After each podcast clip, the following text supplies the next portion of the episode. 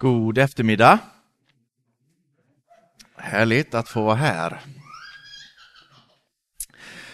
Vi ska läsa eh, den text jag ska predika över från Matteus 15. Matteus 15, verserna 21 till 28. I Jesu namn. Jesus lämnade platsen och drog sig undan till området runt Tyros och Sidon. Då kom en kananeisk kvinna från den trakten och ropade. Herre, Davids son, förbarma dig över mig. Min dotter är svårt besatt. Men han svarade henne inte med ett ord.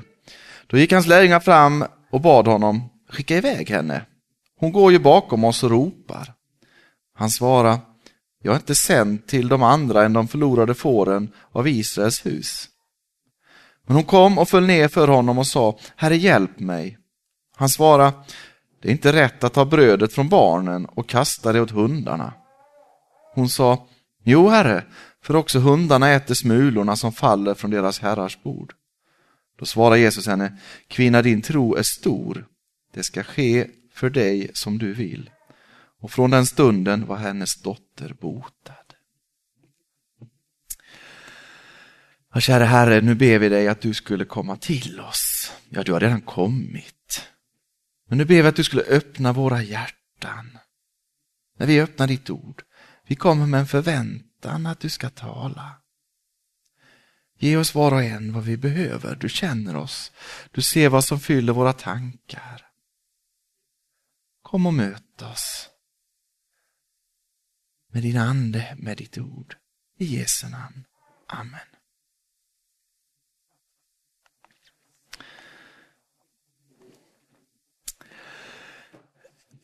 Lite tidigare i Matteus evangeliet i bergspredikan, det kallas ju Matteus 5, 6 och 7, så säger också Jesus på ett ställe Ge inte det heliga åt hundarna och kasta inte era pärlor för svinen. Vad menar Jesus med att säga något sånt? Ge inte det heliga åt hundarna och kasta inte era pärlor för svinen. Finns det inte en kallelse för de kristna att så ut, så ut, så ut. Att sprida Guds ord, Guds evangelium. Överallt, alltid och utan tanke på om, hur och, och vilka som tar emot. Ja, det finns en kallelse att så ut, att sprida. Och samtidigt så säger Jesus det här, ge inte det heliga åt hundarna. Vad menar han? Ja, det handlar nog inte om Hasse Anderssons änglahund här. Vad syftar han på? Ja, det kan vara så att han tänker på de gånger som någon vill ha det heliga utan dess helighet. Då är man fel ute. Om ni vill när ni kommer hem i eftermiddag eller ikväll så skulle ni kunna läsa profeten Daniels femte kapitel. Det är ett ganska dramatiskt kapitel. Det är så att kungen i Babylon har stor fest. Och då plockar han fram kärl av guld och silver som hans företrädare har tagit i Jerusalems tempel. Heliga föremål. Och så vill kungen där på något sätt använda dem vid sin fyllefest för att ge den lite extra status eller glans. Och det slutar förfärligt illa. Att vilja ha det heliga utan dess helighet. Den lutherske prästen Dietrich Bonhoeffer som verkar på, på 30-talet i Tyskland och en bit in på 40-talet och sen avrättades för sitt, sin delaktighet i motståndet mot Hitler. Han skriver om det här han skriver om den billiga nåden. Och han säger att den billiga nåden är vår kyrkas dödsfiende. Idag gäller vår kamp den billiga nåden. Billig nåd betyder nåd som gottköpsvara, bortslumpad förlåtelse, bortslumpad tröst, sakrament till nedsatta priser. Nåd som kyrkans outtömliga förrådskammare varifrån den öses ut, tanklös och gränslöst med lättfärdiga händer. En nåd utan pris, utan kostnad. Billig nåd är rättfärdiggörelse av synden, inte av syndaren. Eftersom nåden ändå uträttar allt kan vi fortsätta som förut. Det är också en varning för att vilja ha det heliga utan dess helighet. För en nåd vars pris man har glömt. Det blir pärlor för svin.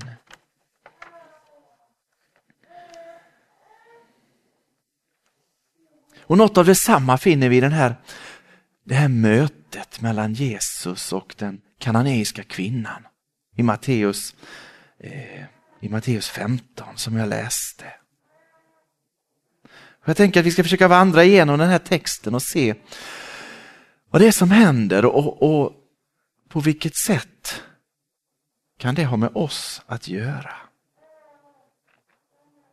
Och Det första som på något sätt är bakgrunden här är att Jesus drar sig undan. Jesus lämnar platsen och drog sig undan till området runt Tyros och Sidon.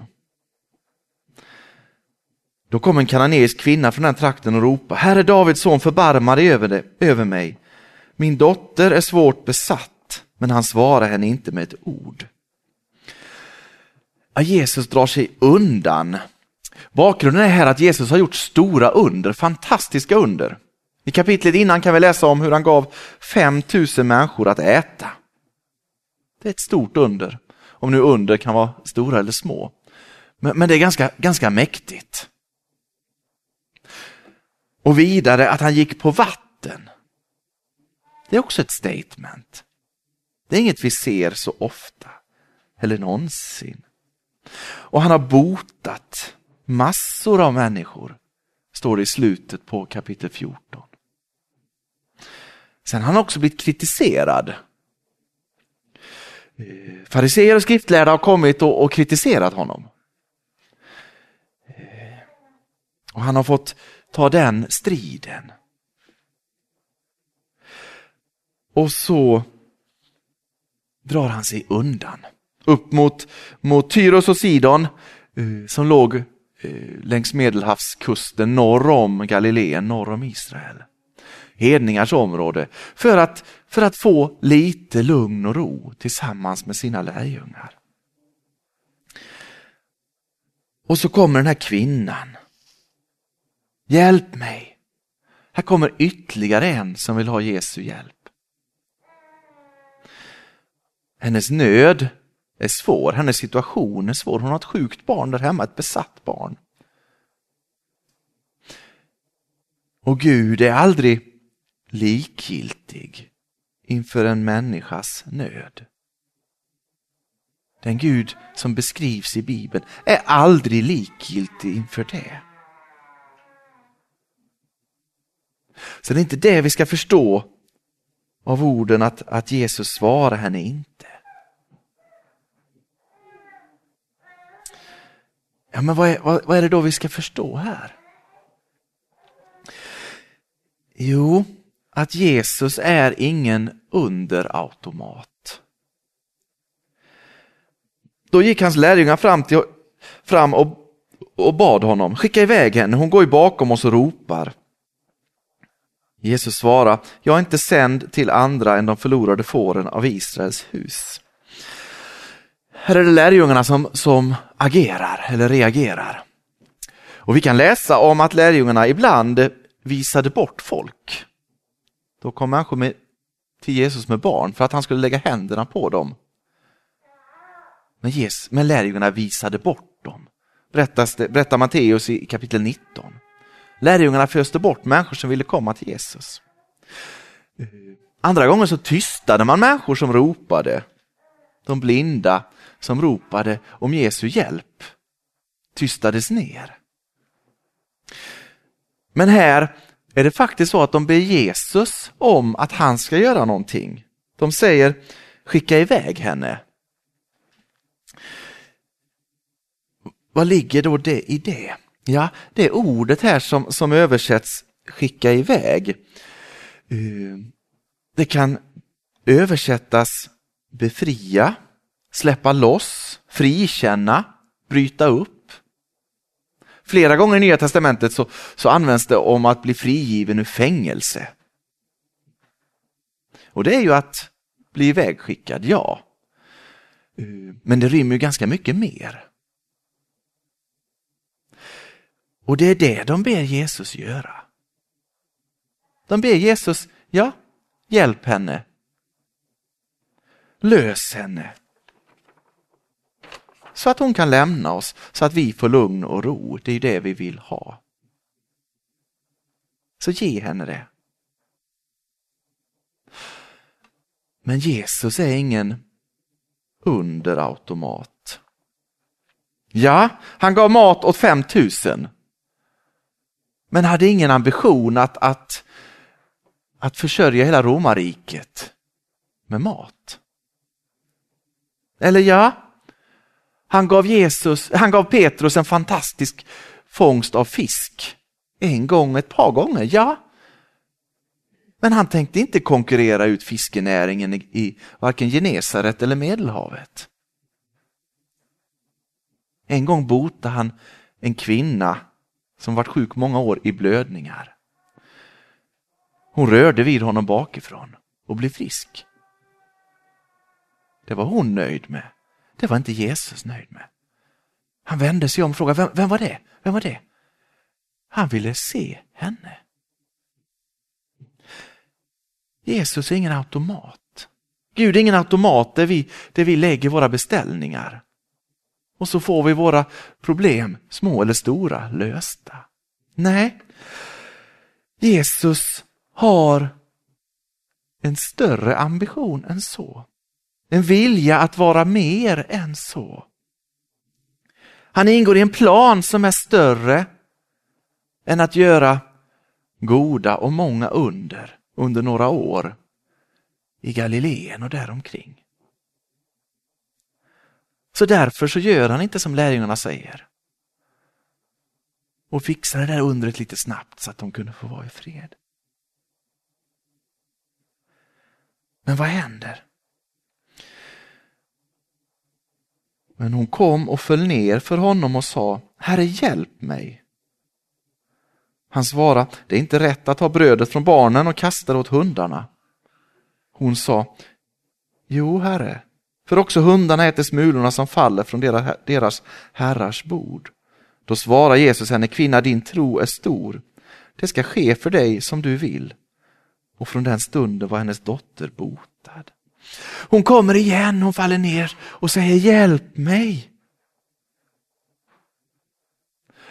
Och Jesus säger lite bistert eller hårt kanske, ja, planen är faktiskt större än så. Israel är utvalt för att jag skulle komma genom det folket. Det är en plan som spänner över flera hundra, ja tusentals år.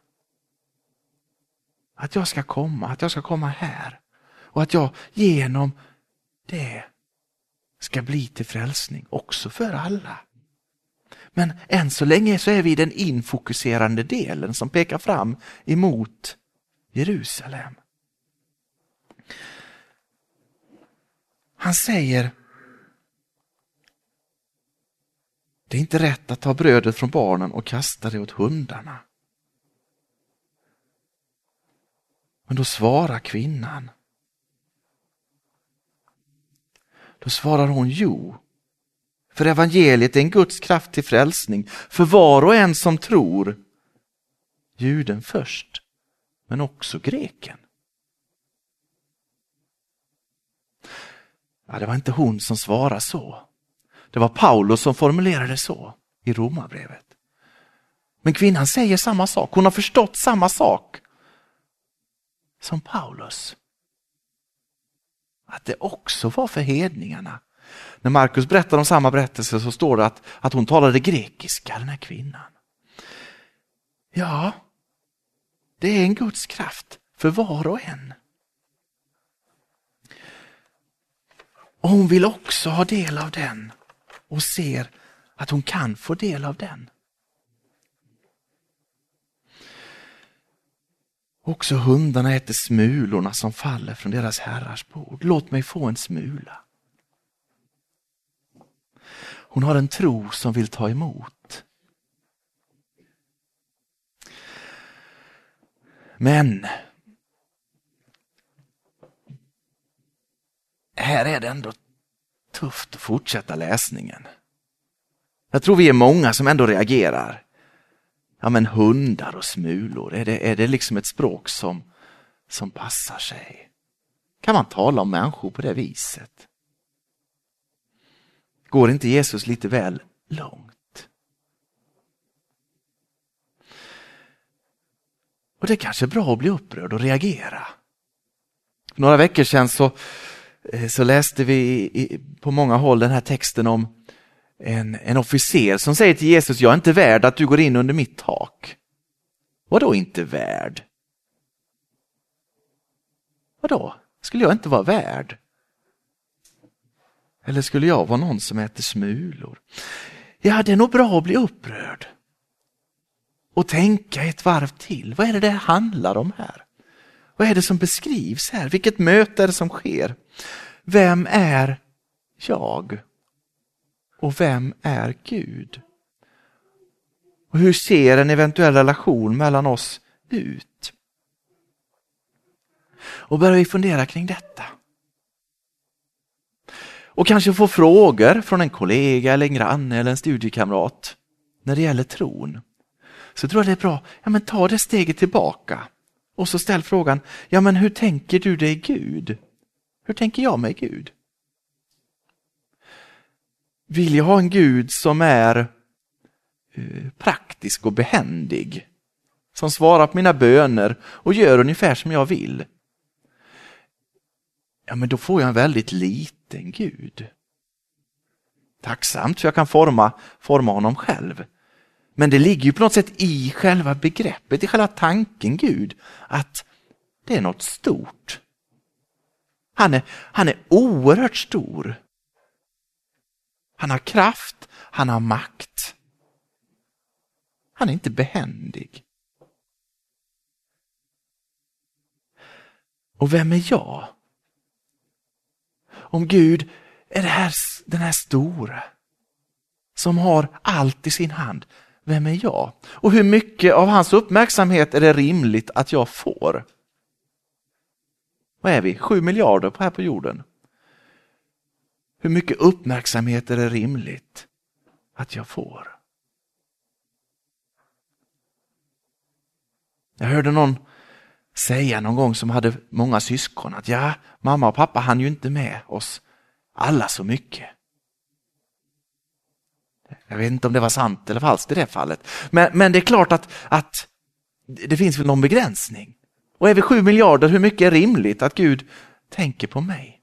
Och där är ju Bibelns beskrivning så märklig att den säger att jo, Gud är just så stor och bryr sig samtidigt om just dig, just mig. Att jag, att jag existerar för att han vill det. Han älskar mig och han längtar efter mig. Då börjar vi få proportionerna på plats. Men så finns det någonting mer som stör när vi tar den här stora frågan. Och det är ju, ja men hurdan är Gud? Hurdan är hans kvalitet? Ja, återigen, vill vi att han ska vara ungefär som jag? Nej. Jag vill ju att han ska vara god varje gång. Inte som jag som lyckas ibland. Jag vill ju att han ska vara rättvis. Inte som jag som gör mitt bästa utan som någon som faktiskt lyckas vara rättvis och kan vara rättvis alltid. Och så ser jag att här finns ju ett problem. För jag lever inte på det sättet. Och det här hade Jesus tagit upp också precis i kapitlet innan här. Att det finns en ondska i människan, i varje människa, som kommer inifrån. Den finns inte bara där. Vi drabbas väldigt ofta av den här världens ondska utifrån. Sjukdom och naturkatastrofer, det är fruktansvärt. Och vi drabbas och vi lider. Och inte bara det, vi lider faktiskt av människors ondska. Det kan vara på olika sätt. Det kan vara en make som slår. Det kan vara en kollega som baktalar. Det kan vara på olika sätt. Det gör också ont. Det är också något som drabbar oss. Det är förfärligt. Så var det i den här kvinnans fall. En dotter som hade blivit besatt. Men sen finns det också det där som sipprar ut inifrån. Mörkret inne i mig. Det jag inte kan förlägga på någon annan eller på världen i största allmänhet. Att jag inte lyckas. Och det är faktiskt så att människor i min närhet drabbas av mig. Och sån är ju inte Gud. Hur ska vi kunna umgås? Han är, han är helig och perfekt. Och jag är velig och defekt. Och det är där Jesus kommer. Det är därför Jesus kommer. Det är den planen han kommer för att låta den gå i uppfyllelse. Det är därför han är på väg till Jerusalem. För att på korset förena Gud och mig på nytt. Lyfta undan det som skiljer oss åt. Och det är i det perspektivet vi ska se på smulorna. De här smulorna av himmelen, de räcker. En smula från himmelen är oändligt mycket mer än vad den här världen kan erbjuda. En smula från himlen, den är lika värdefull som när en guldvaskare står och, och sköljer undan sanden och så glimmar det till. Och så finner man någonting som har ett fantastiskt värde. Och det är det som räcks åt oss idag. En smula av Guds nåd, det är allt vad jag behöver. Och det är inte alltid så att mycket är bättre. Om någon av er drabbas av lunginflammation så behöver ni inte ett kilo penicillin. Det skulle nog till och med vara skadligt. Ett gram duger gott. Morgon, middag, kväll. En smula av Guds nåd. Det är bättre än varje tårtbuffé den här världen kan erbjuda. Och det är det som den här kvinnan har förstått. Ge mig Jesus något enda. Och jag har allt. Och det är det han kommer till oss med idag. Och ta emot något enda och du får allt. Allt. Och så efter detta möte efter detta möte så går de vidare kvinnan och dottern, upprättade, helade och frälsta. Och Jesus går också vidare och han är uppmuntrad. Ja, det sägs ju inte uttryckligen, men han, han säger ju kvinna din, din tro är stor. Och där, där en människa kommer till tro och uttrycker sin tro, där är det jubel i himmelen, ja det vet vi. När en syndare omvänder sig.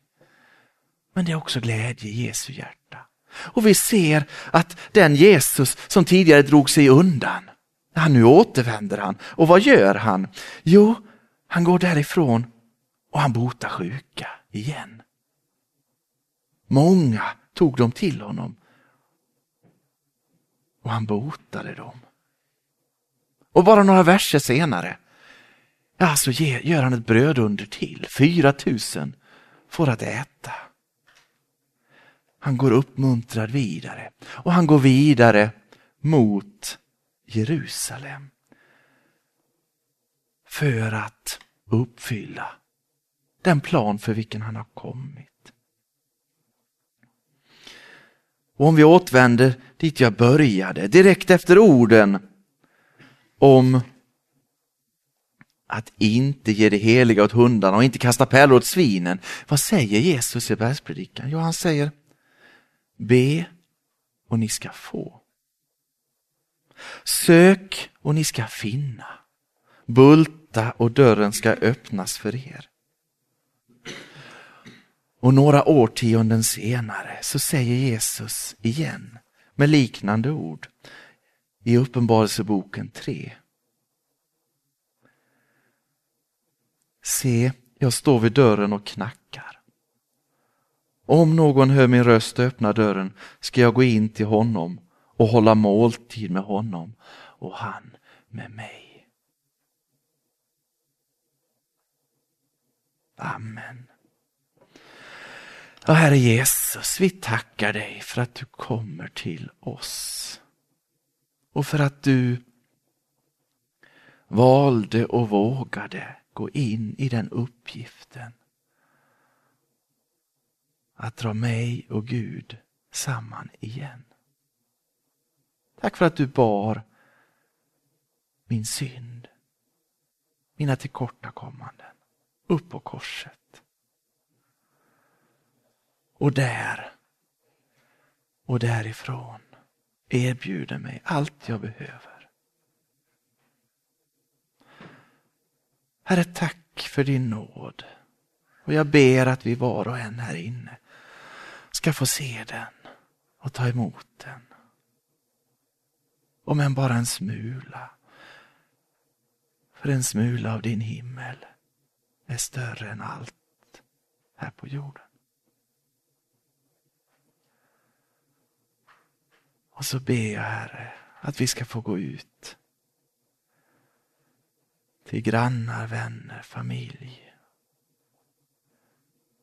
Och gå ut till vårt folk, till vår bygd, till vårt land och ut över världen.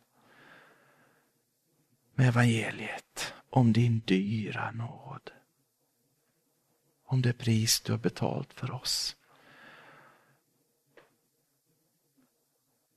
Att gå ut med evangeliet om en öppen himmel. Vi ber om allt i Jesu namn. Amen.